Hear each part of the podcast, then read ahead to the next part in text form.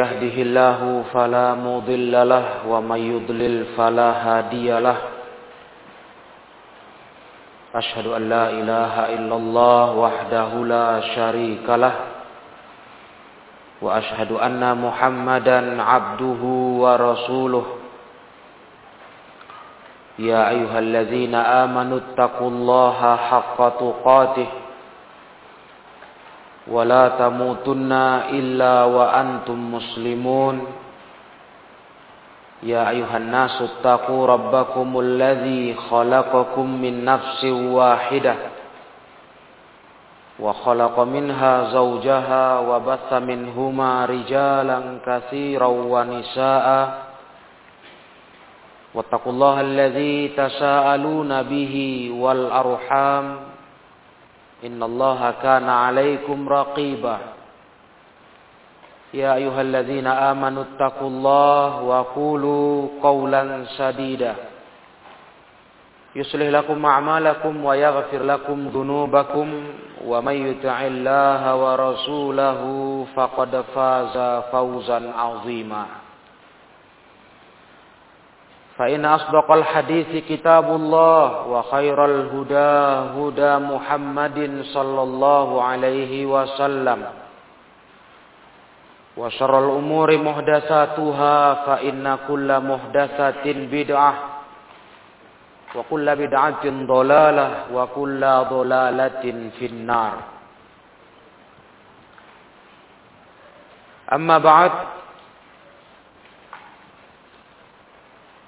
Ma'asyiral ikhwah Para jemaah yang dirahmati Allah Tabaraka wa ta'ala. Alhamdulillah Pada pertemuan kita hari ini Kita masih akan terus melanjutkan Pelajaran kitab Tahzirul Bashar min Usulis Syar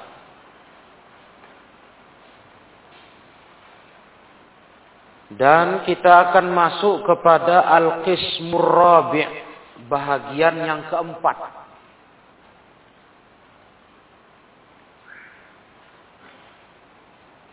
Kita sudah menyelesaikan bahagian yang ketiga. Bahagian yang ketiga tentang akibat berbuat keburukan dalam kehidupan Yang mana bagian yang ketiga itu setelah sebelumnya Syekh Hafizahullah mengungkapkan kepada kita sumber-sumber dari poin keburukan tersebut. Yang Masya Allah kita baca sampai selesai hingga poin ke-80. 80 poin keburukan. Lalu beliau membuka poin atau bagian yang ketiga, yaitu akibat berbuat keburukan. Selesai sudah. Maka hari ini para ikhwah kita masuk ke poin atau bahagian yang keempat, al-qismur rabi'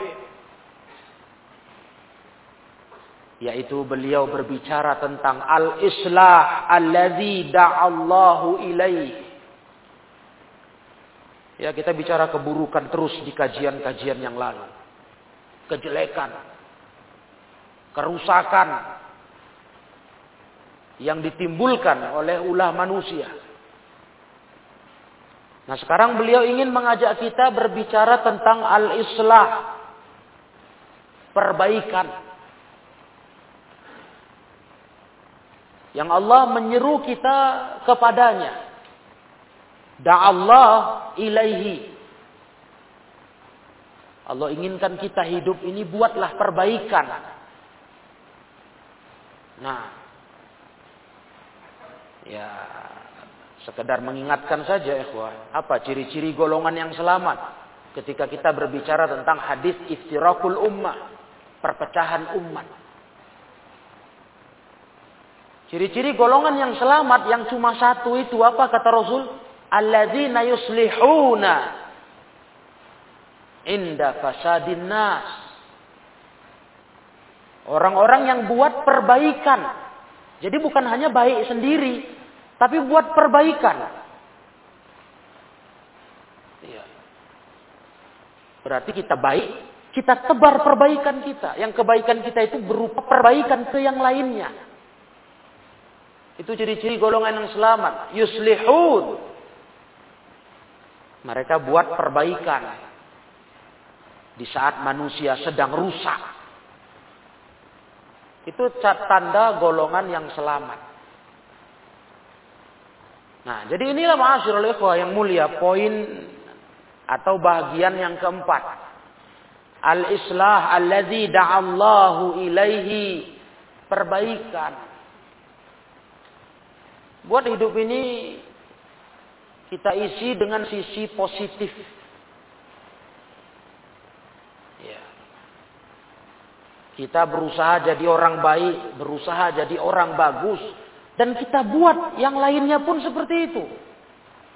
Ya, karena memang para ikhwah, sedalam kajian kita yang sudah sekian lama kita bahas kitab ini, bukankah Bahkan dampak kerusakan yang dibuat seorang hamba, walaupun itu secara individunya sendiri saja, itu bisa berakibat kerusakannya menimpa lingkungannya.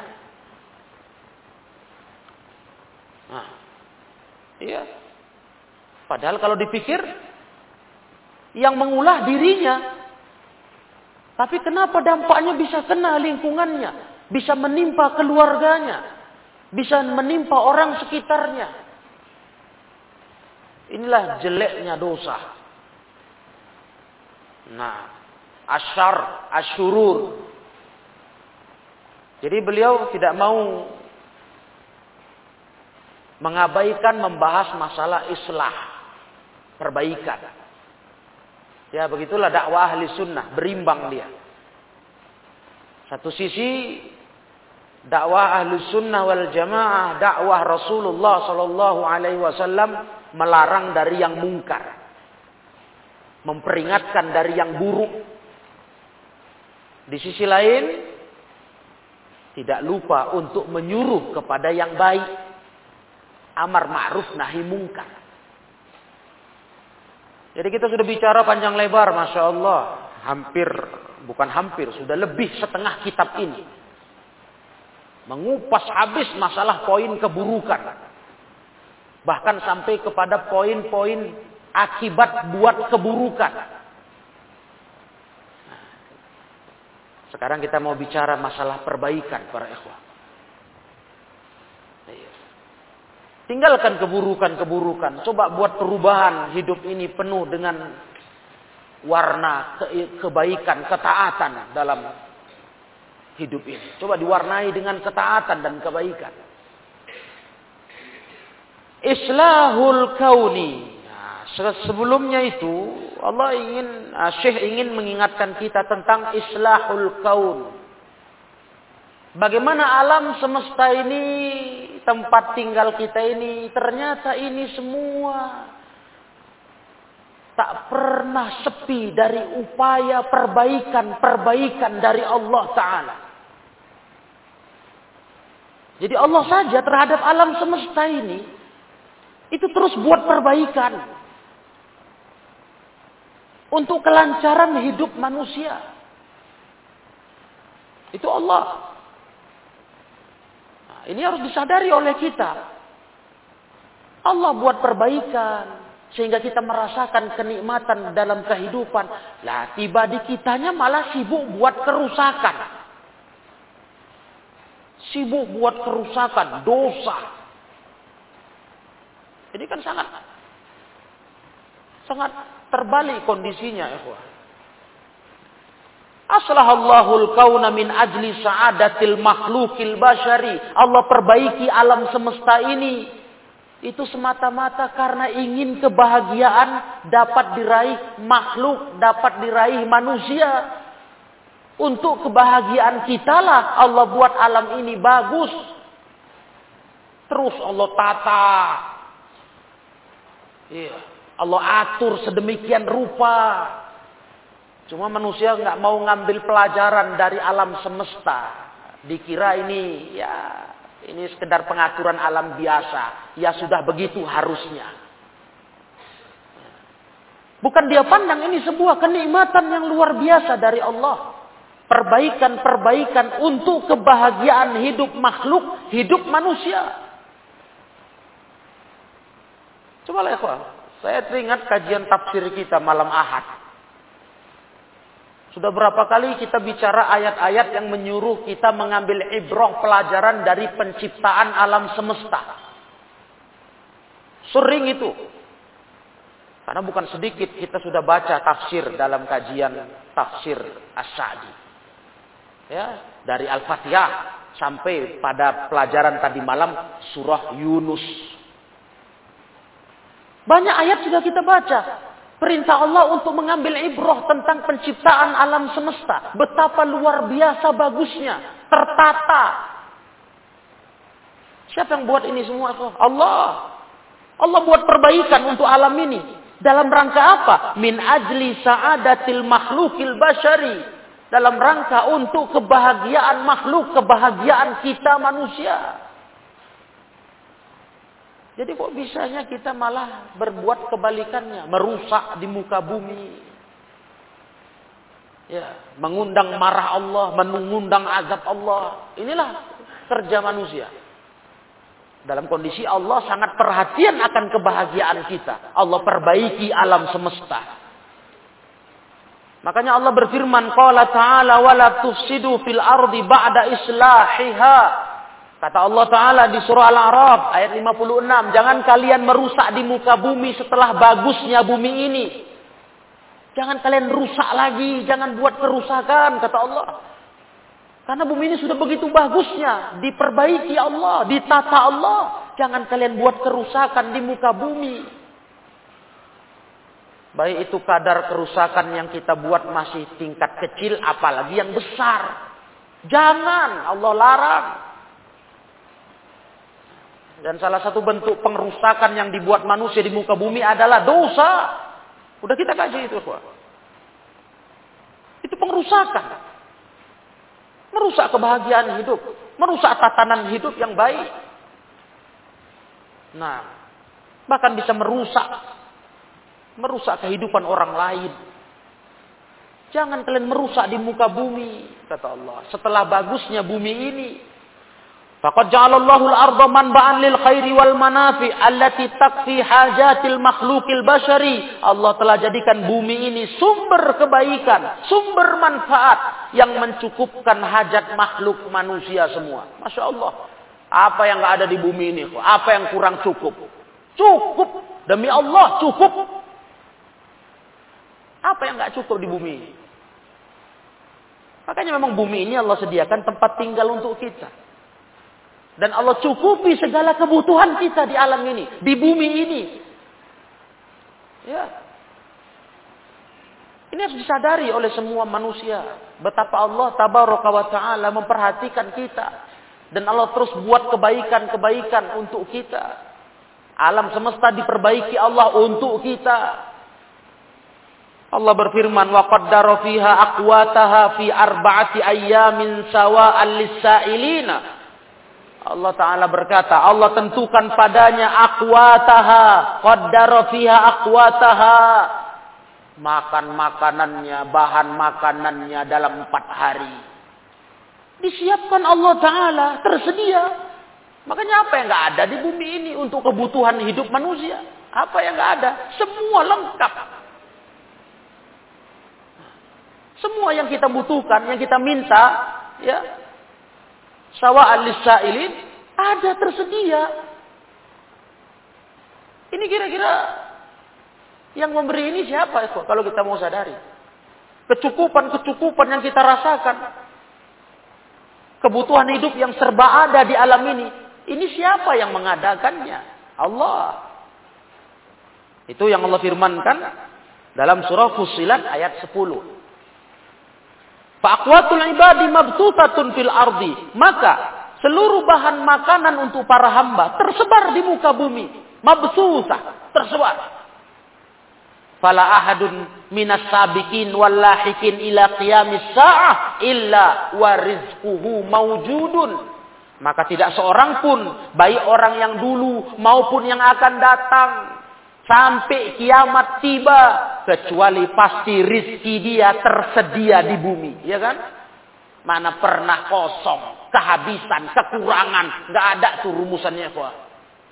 Sampai kiamat tegak, bumi ini terus tersedia segala kebutuhan hidup manusia. Ya, nggak ada cerita. Kalau dikatakan orang nanti akan tiba masanya bumi ini kehabisan bahan makanannya, kebutuhan pokok manusia. Nggak ada itu. Dalam pandangan Islam itu nggak terjadi sampai tibanya kiamat nanti baru hancur semuanya. Nah, walakin qad yuhram minhu bisababil zulmil basari awil ajsi. Tapi hanya saja kadang-kadang dihalangi. Ini masalahnya. Ada yang sebab disebabkan kezoliman makhluk atau kelemahannya jadi dihalangi kebutuhan itu oleh Allah. Ya dasarnya kita juga. Gara-gara kita, ulah manusia. Makanya Allah bilang apa dalam satu ayat? Zaharal fasadu fil barri wal bahri bima kasabat aidin nas. Nampak kerusakan muncul di bumi, baik di daratan maupun di, di lautan, akibat ulah kerja tangan manusia. Jadi sebenarnya kita inilah kuah yang punya andil merusak. Kalau Allahnya subhanallah, maha suci Allah, maha tinggi Allah. Tak pernah putus menyediakan untuk manusia segala kebutuhan mereka. Nah, jadi kalau ada terhalangi, ada yang tak mendapati, eh, itu ulah dia sendiri. Kezuliman hamba itu.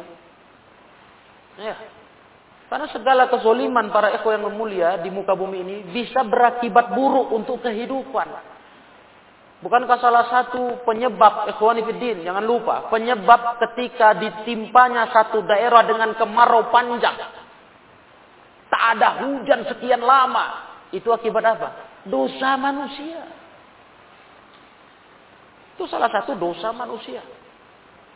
Allah tahan hujan. Jadi semua dampak daripada penyakit kita dalam kehidupan ini. Ya kita pun sadar ya, wah, saya rasa udah pernah saya sampaikan ini. Kita sadar, kita nggak bisa ngajak semua orang mau paham cara pikir ini. Mau diajak jadilah orang baik-baik hidup ini.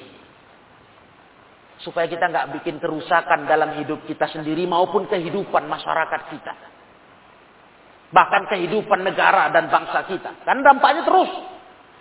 Memang nggak semua orang bisa mau diajak ke cara pikir ini. Paham kita. Paham. Karena kebanyakan orang tak mau mentaati Allah. Tapi bukankah bagi kita prinsip pertama apa itu? Mulailah dari diri kita. Itu dulu. Nggak mulu-mulu kita mau ngajak orang satu kelurahan. Hah? satu desa, satu kampung bisa berpikir positif seperti ini, sadar akan hal ini. Tahu kita itu berat. Tapi kalau untuk berbicara memulai dari diri sendiri, apa susahnya? Apa payahnya ikhwah?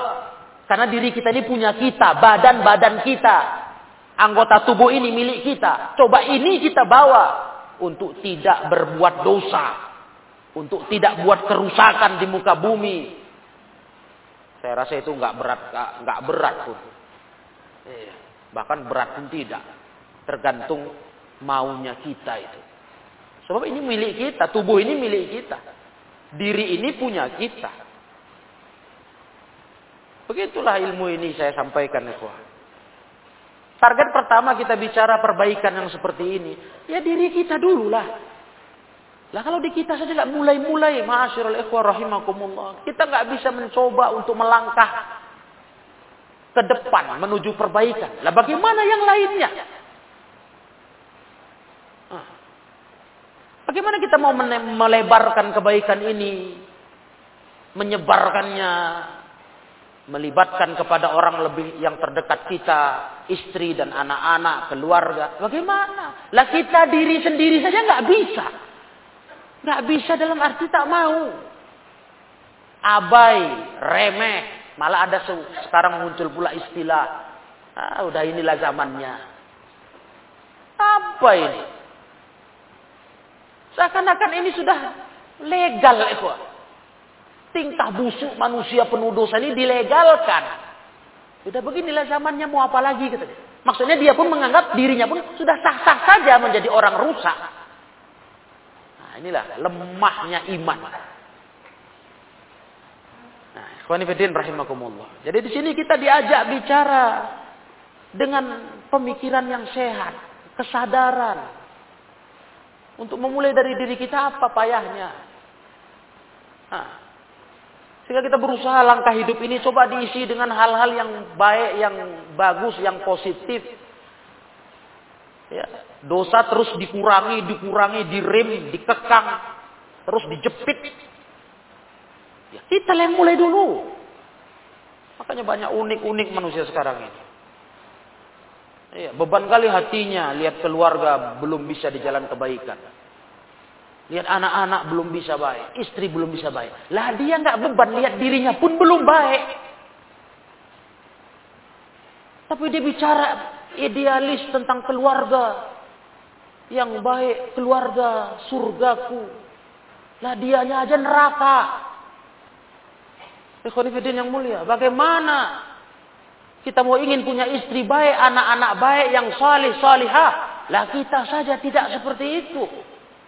Makanya yang pertama Allah perintahkan ku anfusakum.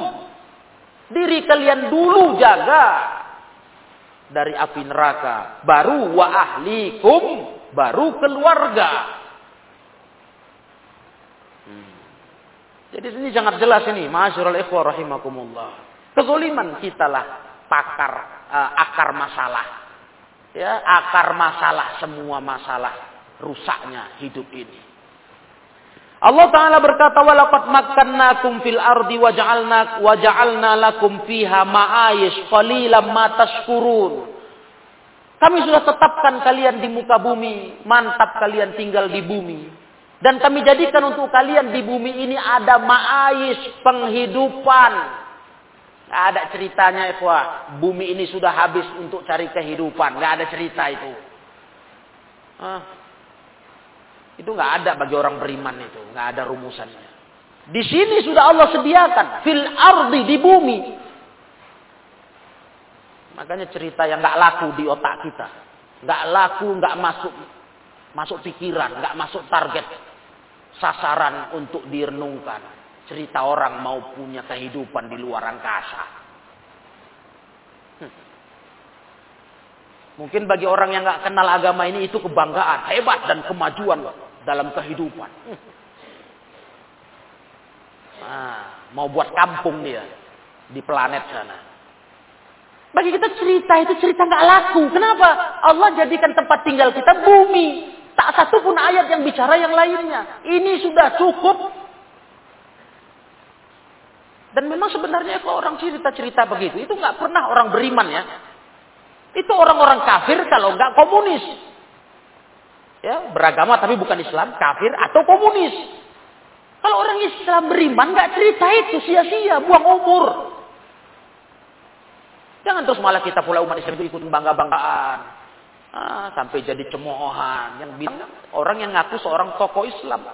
Kalian sibuk bicara khilaf bid'ah sunnah, orang udah keluar negeri, proyek mau buat kampung di sana. Pikirnya paten hebat kali itu. Kalau bagi orang beriman, mana laku cerita itu nggak masuk otak kami. Nah, karena bagi kami bumi inilah tempat tinggal kita. Makannakum fil ardi. Inilah tempat tinggal yang cukup. Kami nggak mau cari kerjaan lagi yang melalaikan kami, umur kami terbatas mau mikir itu. Bumi ini sudah cukup tempat kami berbekal diri untuk mati. Nah, itu apa? Ini sekedar mengingatkan saja mana tahu yang sudah yang sudah banyak baca-baca dengar cerita-cerita kayak gitu. Terus merasa hebat orang begitu. Wah, dibangga-banggakan tiap kumpul-kumpul. hebat apanya? Hah? Hebat apanya Yang hebat tuh tinggal di bumi kita yang disediakan Allah. Buat perbaikan di bumi ini. Buat perbaikan hidup. Tinggalkan dosa, tinggalkan maksiat. Itu yang hebat. Bukan cerita. mau buka lahan baru di planet sana. Ini kan membuat bodohnya umat Islam ini. Nah, umat Islam ini kan begitulah memang kita. Pantang cerita kecanggihan teknologi. Wah. Sudah. Panjang lagi sudah. Khayalannya. Wah hebat sanjungannya. Hebat paten mereka. Paten. Jenius dan sebagainya. Itu karena umat Islam sudah nggak ngerti tujuan hidup. Seakan-akan dunia ini tempat selamanya. Nah. Masyarul ikhwah rahimakumullah. Ayat tadi di surah Al-A'raf ayat 10. Dan Allah tegaskan qalilam matas turun. Sedikit kalian yang tahu syukur. Nah, itu masalahnya. Jadi untuk bumi ini saja ikhwah. Yang memang sudah disediakan Allah tempat tinggal kita. Disediakan Allah dengan segala kebutuhan kita. Ini saja kita tak pandai mensyukurinya. Sedikit yang tahu bersyukur kalian kata Allah. Qalilam matas turun. Sedikit kalian yang tahu syukur. Berarti banyaknya apa? Kufur kufur kepada Allah. Menjadikan diri sebagai insan yang bersyukur saja udah berat itu. Berat. Nah, tidak gampang itu. Mau jadi insan yang bersyukur kepada Allah atas segala nikmat. Berat. Makanya sedikit orang yang bersyukur kata Allah Ta'ala. Wa qala ta'ala Allah juga berfirman, "Wa ja'alna lakum fiha ma'ayish wa mallastum lahu biraziqin." Wa in min illa indana khazainu wa ma nunazziluhu illa biqadarin ma'lum. Ayat ya, surat ini ada di surah Al-Hijr, ada di ayat 20 sampai 21. Kata Allah Ta'ala, kami jadikan bagi kalian di bumi ini ma'ais, kehidupan. Sudah. Nah, tadi sudah kita baca di surah Al-A'raf. Ini surah Al-Hijr. Memang dunia inilah tempat kita cari hidup. Kami jadikan untuk kalian penghidupan di dunia ini. Dan gak ada lagi selain Allah yang bisa ngasih rizki. Sudah disediakan ya wah. Masya Allah ya. Allah buat perbaikan-perbaikan di alam ini untuk kita. Untuk kehidupan kita hamba. Nah. Dan sungguh segala sesuatunya pasti di sisi kami ada perbendaharaannya. Ya, apa pun ceritanya. Di sisi Allah lah. Segala perbendaharaannya lengkap. Mau mau cerita rezeki apa? Semua ada dari Allah Ta'ala. Cuma Allah menurunkannya. Wa ma nunazziluhu illa biqadarin ma'lum. Kami turunkan perbendaharaan rizki dari Allah itu. Kami turunkan dengan kadar yang ditentukan. Nah, dan itu pengaturannya Allah yang tahu. Ada orang yang diberi lebih, ada yang kurang. Allah yang tahu.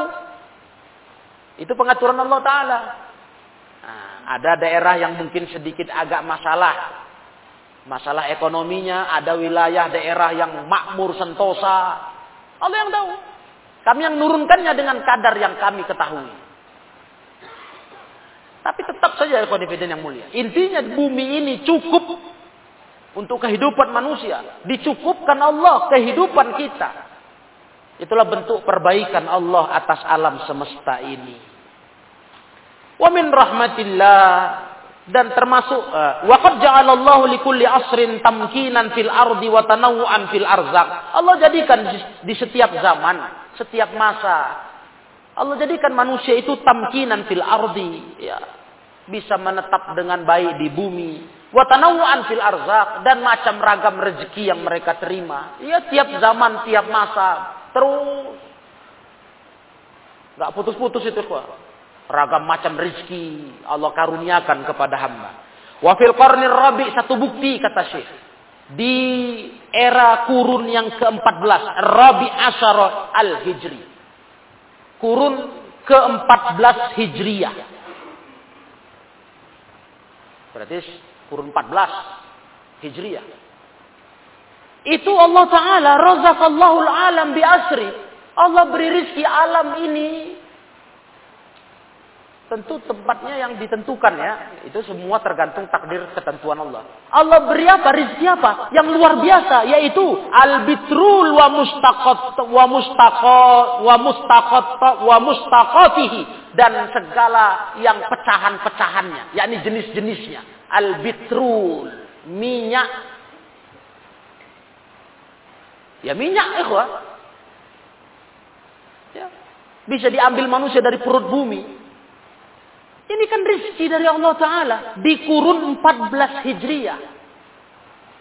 14, kurun 14. Ya, bukan dari dulu kalanya manusia udah bisa. Enggak. Itu kan teknologi. Menyusul datangnya kan. Kemampuan manusia menggali. Mengambil minyak dengan sumur. Yang digali Coba lihat bagaimana dahsyatnya, luar biasa. Tanzur ila kasrati manafi'i. Coba lihat kata Syekh, banyaknya manfaat minyak itu. Oh, luar biasa. Faidah minyak itu luar biasa.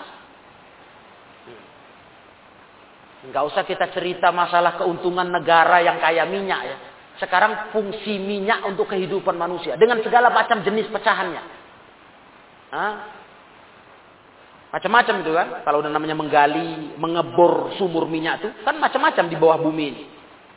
Lihat faedahnya untuk kehidupan manusia.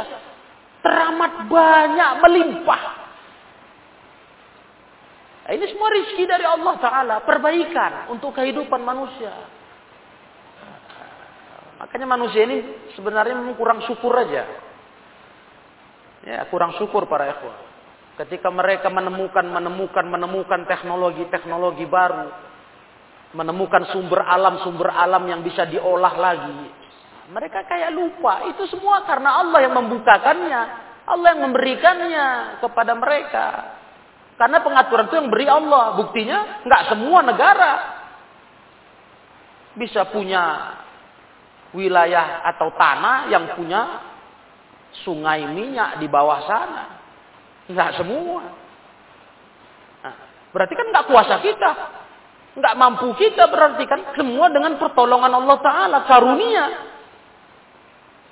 Tidak akan disadari itu oleh manusia. Betapa luar biasa manfaatnya. Ma'asyiral rahimakumullah. Maka wa min rahmatillah bi termasuk rahmat Allah kepada hamba.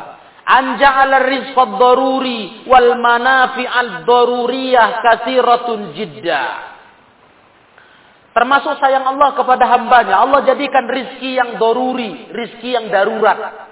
Yang mesti kali kita kita punya, kita dapat. Dan manfaat yang darurat itu banyak sekali sifatnya. Bentuknya banyak. Yang sifatnya darurat. Artinya Allah limpahkan itu. Yang membuat manusia bisa bertahan hidup. Nah, Fandur ilal ma contohnya. Apa itu bentuk rizki darurat? Lihatlah kepada air. Air ini kan kebutuhan darurat dalam hidup. Mana bisa kita hidup tanpa air? Coba lihat air kata Syekh. Lisyiddati hajatin nas ilaihi. Ketika butuh, kuatnya butuh kebutuhan manusia kepada air itu. Ja'alahu kathiran. Allah jadikan air itu banyak melimpah di bumi ini. Melimpah. Ya. Secara hukum keumuman kan air ini melimpah. Ada saja.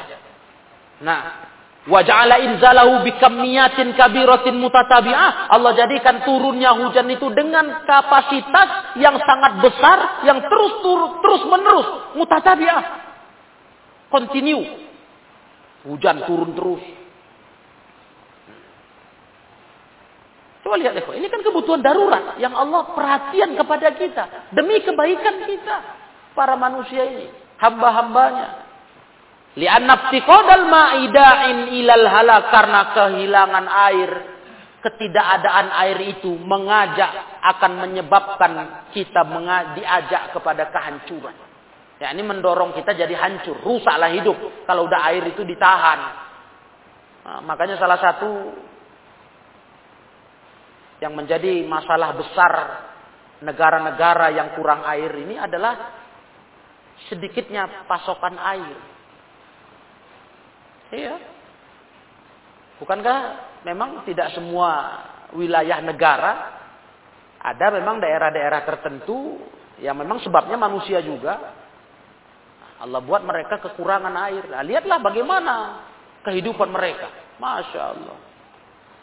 Kehidupan yang jauh lebih buruk dari kehidupan orang-orang di daerah yang airnya cukup.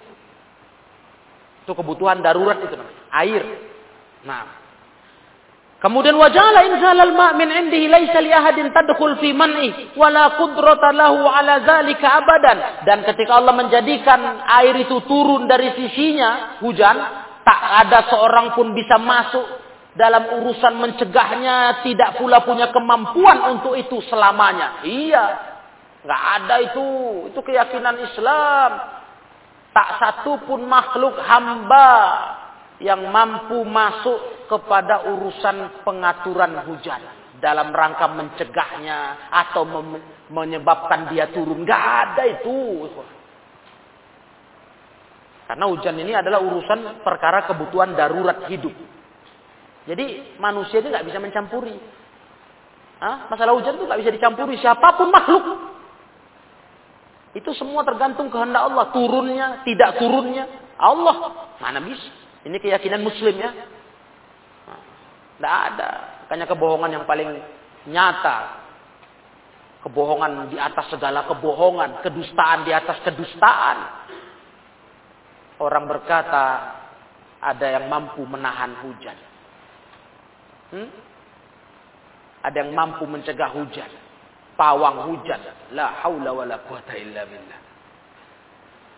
Ini kebohongan di atas kebohongan, kedustaan di atas kedustaan. Ya, tak seorang pun punya wewenang di situ, kata Syekh. Betul. Itu turun sesuai kehendak Allah, perintah Allah. Di bawah malaikat, turunlah dia. Tak ada tangan manusia itu campur tangannya. Para Tak seorang pun hamba Wa kullama kanatil manfaatu asaddu ihtiyajan ilaiha kullama mana Allahul ihtikar laha wa alaiha. Begitu rumusannya. Setiap kali satu manfaat, satu manfaat itu sangat butuh manusia kepadanya, maka Allah pun akan melarang ada orang bisa memonopoli al-ihtikar wa tasallut dan menguasainya. Enggak bisa. Satu hal yang sangat dibutuhkan dalam hidup manusia. Itu Allah nggak mengizinkan ada boleh memonopolinya atau menguasainya. Nggak ada itu. Sesuatu yang sifatnya sangat dibutuhkan ya. Darurat. Sumber penghidupan manusia. Air contohnya. Itu nggak bisa dimonopoli. nggak bisa dikuasai sendiri. Diatur-atur. nggak bisa. Itulah rahmat Allah atas alam semesta ini. Wala sabil misal. Contoh lainnya. Al-hawa, udara. Nah, ini udara kan vital. Mana bisa kita hidup tanpa udara? Nah, maka al-hawa kata kata Syekh, layak diru ahadun ala tamallukil hawa bihaitsu yamtani'in yamtani'un nasa minhu. Tak seorang pun mampu mau menguasai udara menguasai dalam arti memiliki yang dia cegah orang untuk menghirupnya kecuali dengan izinnya. Nggak ada yang bisa. Udara nggak bisa. Karena sangat butuh kehidupan ini makhluk kepadanya. Jadi nggak mungkin dikuasai siapa pun itu. Ya, li'annal makhluk layak diru ala ayyaisha biduni hawa. Makhluk nggak akan mampu hidup tanpa udara. Maka udara nggak bisa dimonopoli, nggak bisa dikuasai, dimiliki perorangan, nggak bisa. Nah, dia nikmat bebas, nikmat bebas untuk semua makhluk hidup. Begitu kaidah hukumnya.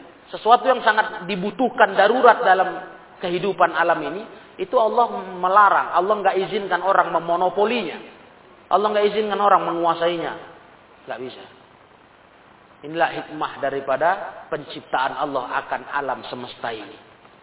Fahadha huwa min solahil kauni. Inilah bentuk baiknya alam semesta. Liannahu khalqun musakharun bima fihi li khidmatil makhlukil bashari. Ini semua ciptaan yang Allah tundukkan. Ini semua ciptaan yang Allah tundukkan. Untuk pelayanan kepada makhluk, kepada manusia. Masya Allah. Jadi rupanya segala nikmat alam semesta ini ikhwah, yang darurat maupun yang tidak, yang intinya semua ini kebutuhan kita. Ini semata-mata Allah jadikan untuk memberi pelayanan kepada manusia, makhluk-makhluknya. Jadi kalau kita sudah sadar ini sebagai seorang hamba, beginilah Allah Ta'ala berbuat untuk kita. Ya, terus berbuat yang sifatnya kebaikan-kebaikan, perbaikan untuk kehidupan. Nah, bagaimana kitanya? Tinggal di kitanya kita bagaimana sebagai hamba. Pantaskah kita tidak mensyukurinya? Dengan malah kita berbuat kerusakan di muka bumi. Wala tufsidu fil ardi. Jangan kalian buat kerusakan kata Allah. Kita malah buat kerusakan. Dan kerusakan di sini para ikhwah dimulai dari dosa-dosa kita. Bukan dikatakan kerusakan di sini dalam arti merusak alam langsung, penebangan hutan dan bukan bukan hanya bukan hanya itu. Pengerusakan di sini dimulai dari diri kita. Dari tubuh kita inilah bikin rusak alam semesta dengan dosa-dosa tingkah laku jelek kita. Makanya pelajaran kita di kitab Tahzirul Basar ini intinya mengajak kita ke situ. Hati-hati dari jalan keburukan dari sumber kerusakan. Nah, cobalah hidup penuh dengan perbaikan. Terus buat perbaikan-perbaikan. Berusaha para ikhwan. Itulah intinya. Berusaha. Memang kita tahu itu butuh usaha, butuh waktu. Tapi kalau tak dimulai, kapan lagi? Hah? Kita masih juga kadang pakai rumusan nantilah nantilah. Wah itu nggak cocok itu. Masyarul ikhwah rahimakumullah. Nggak cocok berpikir seperti itu. Karena kita tak tahu berapa lama lagi kita bisa hidup di alam ini. Seberapa panjang lagi umur kita. Jadi kalimat nanti, nanti itu nggak cocok. Jadi kita harus mulai. Memulai. Dimulai dari niat niat hati untuk berusaha bagaimana hidup ini saya isi dengan hal-hal yang positif, yang taat kepada Allah. Dan itu bentuk perbaikan. Niat dulu, niat. Baru kita bergerak badan ini. Itu dia. Kalau diniatnya saja sudah nggak ada. Sudah menyerah. Sudah merasa, ah susah lah kalau begitu. Ini memang udah zaman penuh kerusakan, udah biar udah begitulah zamannya. Nah, bagaimana mau baik? Niat saja sudah nggak ada, tekad sudah nggak ada. Jadi para ikhwah yang saya muliakan. Di sini Syekh memberikan tanbih, peringatan. Qauluhu subhanahu khalaqa ba'dal makhluqati. Adapun Allah menciptakan sebagian makhluk wa fiha syarrun. Di makhluk itu memang ada keburukan. bagaimana pula dengan ini? Tadi kan kita cerita Allah selalu buat yang baik-baik di alam ini, perbaikan. Lah tapi ternyata ada makhluk yang jenisnya itu keburukan padanya terdapat. Bagaimana ini? Kan Allah ciptakan juga yang buruk-buruk dari makhluk seperti kasta'abin wal hayat. Seperti ular, hewan berbisa, kasta'abin al hayat, ular hewan berbisa, Wan numur wal usud atau hewan-hewan buah. Harimau, singa dan sebagainya. Hewan-hewan yang membahayakan wa dzalik. Pokoknya yang kita tahulah para yang zohirnya itu merusak, membahayakan kehidupan. Nah, kenapa ini? Tapi katanya Allah buat perbaikan untuk alam ini. Kenapa Allah ciptakan hewan-hewan seperti itu? Tentu ini pertanyaan. Nah, maka kata Syekh, fahada fi'luhu li hikmatin azimah. Ini Allah lakukan karena ada hikmah yang besar. Ada hikmahnya bukan sia-sia itu. Sama juga ikhwah seperti Allah menakdirkan menentukan adanya bencana alam. Sekilas dipandang di pikiran siapa pun yang melihat bencana alam, itu kan pengerusakan. Ya, jelas rusak tatanan kehidupan rusak tempat tinggal manusia, rusak lahan cari hidup, cari makan. Namanya bencana alam. Kan sekilas terpikir begitu. Tapi ketahuilah, semua itu ada hikmah yang besar dari Allah Ta'ala. Iya. Allah Ta'ala punya hikmah yang sangat besar. Wa min zalika di antara hikmahnya apa? Liya'lamul khalqul bashari azamatat taskhiril ilahil kauni li khidmatihim bijibali wa sakharati wa anhari wa asjarihi wa syamsihi wa qamarihi wa nujumihi wa sihabihi wa ma ila zalik. Di antara hikmahnya, di antaranya supaya kita manusia tahu, sadar betapa besarnya betapa besarnya kemampuan Allah taala menundukkan alam semesta. Untuk menurut patuh kepada Allah taala. Karena semua alam semesta kejadian yang ada di dunia ini baik kejadian alam bencana ataupun hewan-hewan yang berbahaya ataupun manusia-manusia yang jahat. Itu semua kan tunduk di bawah ketentuan takdir Allah. Iya. Itu satu. Hikmah yang besar. Berarti Allah Ta'ala berkuasa atas semua hamba. Apa pun yang Allah putuskan dalam perjalanan hidup semua hamba, nurut kepada Allah. Makanya kita dalam kajian yang sudah cukup Cukup paham lah kalau saya yakin. Ahli sunnah meyakini keinginan atau kehendak Allah ada dua. Yang satu takdir, yang satu syariat. Iradatullah, keinginan Allah atas alam semesta dan hambanya ini ada dua. Yang pertama takdir, keinginan dalam ilmu takdir. Ya. Dalam ilmu takdir begitu ya. Allah inginkan ada baik, ada buruk. Semua tunduk kepada Allah. Itu takdir. Adapun keinginan syariat, Allah mau kita semua baik. Allah marah lihat yang buruk. Allah marah lihat yang dosa. Nah, itulah ahlu sunnah. Kalau bicara ilmu takdir, mereka mereka tak pernah lepas dari berbicara akan adanya dua iroda. Iroda kauniyah, iroda syariah. Nah, kalau kita yakin satu saja, rusaklah Allah. Jeleklah Allah Ta'ala. Ya, Yakin hanya satu iroda, iroda kaunia takdir saja. Nanti akan muncullah pertanyaan, lantas bagaimana? Kenapa Allah hukum hamba sedangkan dia yang menentukan hamba itu buruk, hamba itu jelek? Kenapa Allah celah dosa yang dibuat hamba sedangkan Allah yang menakdirkan dosa itu ada? Jeleklah Allah kalau hanya diyakini iroda kaunia takdir. Kalau diyakini hanya iroda syariah. Allah ingin kita baik, Allah ingin kita bagus, Allah nggak suka kita buruk. Berarti Allah lemah. Karena kenyataannya hamba makhluknya tak semua baik, tak semua taat kepadanya. Malah sedikit yang taat, sedikit yang baik, banyak yang dosa dan maksiat. Berarti Allah lemah, kalah sama makhluk. Maha, maha suci Allah, maha tinggi Allah dari pikiran seperti itu. Maka kita harus yakin kepada dua iroda. Nah, nah ini hikmahnya kata Syekh. Betapa kuatnya pengaruh Allah menundukkan hamba.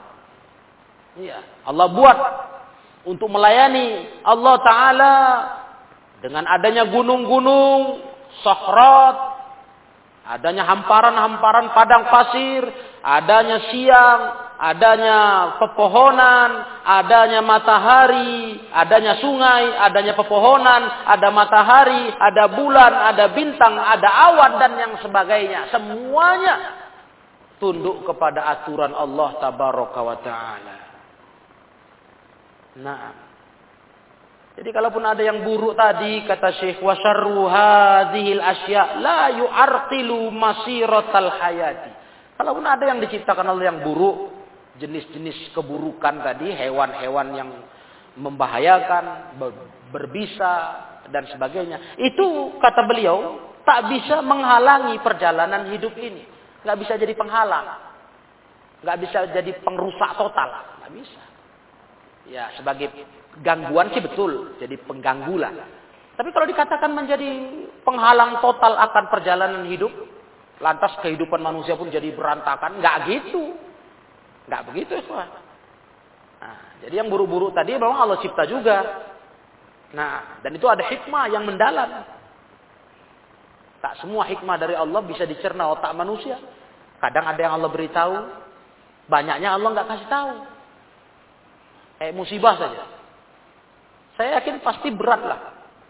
Di awal kita ditimpa musibah, terus kita sadar, ini besar hikmahnya, berat. Tahu orang kena musibah yang pertama, tahu dia ini bikin rugi aku. Mungkin udah berapa hari barulah terpikir, ah, ada hikmahnya ini. Kalau di awal-awal itu berat ya. Padahal subhanallah, tak satu pun segala keputusan Allah Ta'ala pasti ada hikmah di sana. Tak satu pun yang tak ada hikmah. Semua ada hikmah. Nah, cuma kan seperti itu tadi. Untuk sadar ada hikmah saja. Sadar saja pun kita kadang lambat. Karena kerasnya benturan pertama. Namanya benturan pertama. Datang awal. Uh, keras. Itu bikin kita linglung itu. Langsung pikiran kita buruk aja. Rugi. Gak ada gunanya ini. Cobaan ini. Nah, tapi begitu kita berpikir jernih. Atau malah setelah itu datang hikmahnya. Wah, langsung kita bilang, Masya Allah hikmah Allahnya besar sekali. Begitulah itu. Ya, kadang kita manusia ini kurang panjang berpikir, terburu-buru mengambil keputusan. Itu seringnya kita. Nah, wala yajlibu ad-dimara 'alal qawni wala nas. Keberadaan yang buruk-buruk yang Allah ciptakan tadi itu nggak bisa menarik kerusakan, kehancuran atas alam semesta, tidak pula atas manusia semuanya, nggak bisa. Jadi yang buruk-buruk itu memang ada, penuh hikmah, tapi dampaknya kalau dianggap mau ngerusak kehidupan total manusia dan alam semesta, nggak ada itu ya, nggak ada. Hidup jalan terus. Kalau dikatakan pengaruhnya fatal, menghancurkan kehidupan, nggak. Hidup jalan terus. Berjalan terus. Malah kata Syekh bal fiha manafi'u ila janibi. Bahkan sesungguhnya di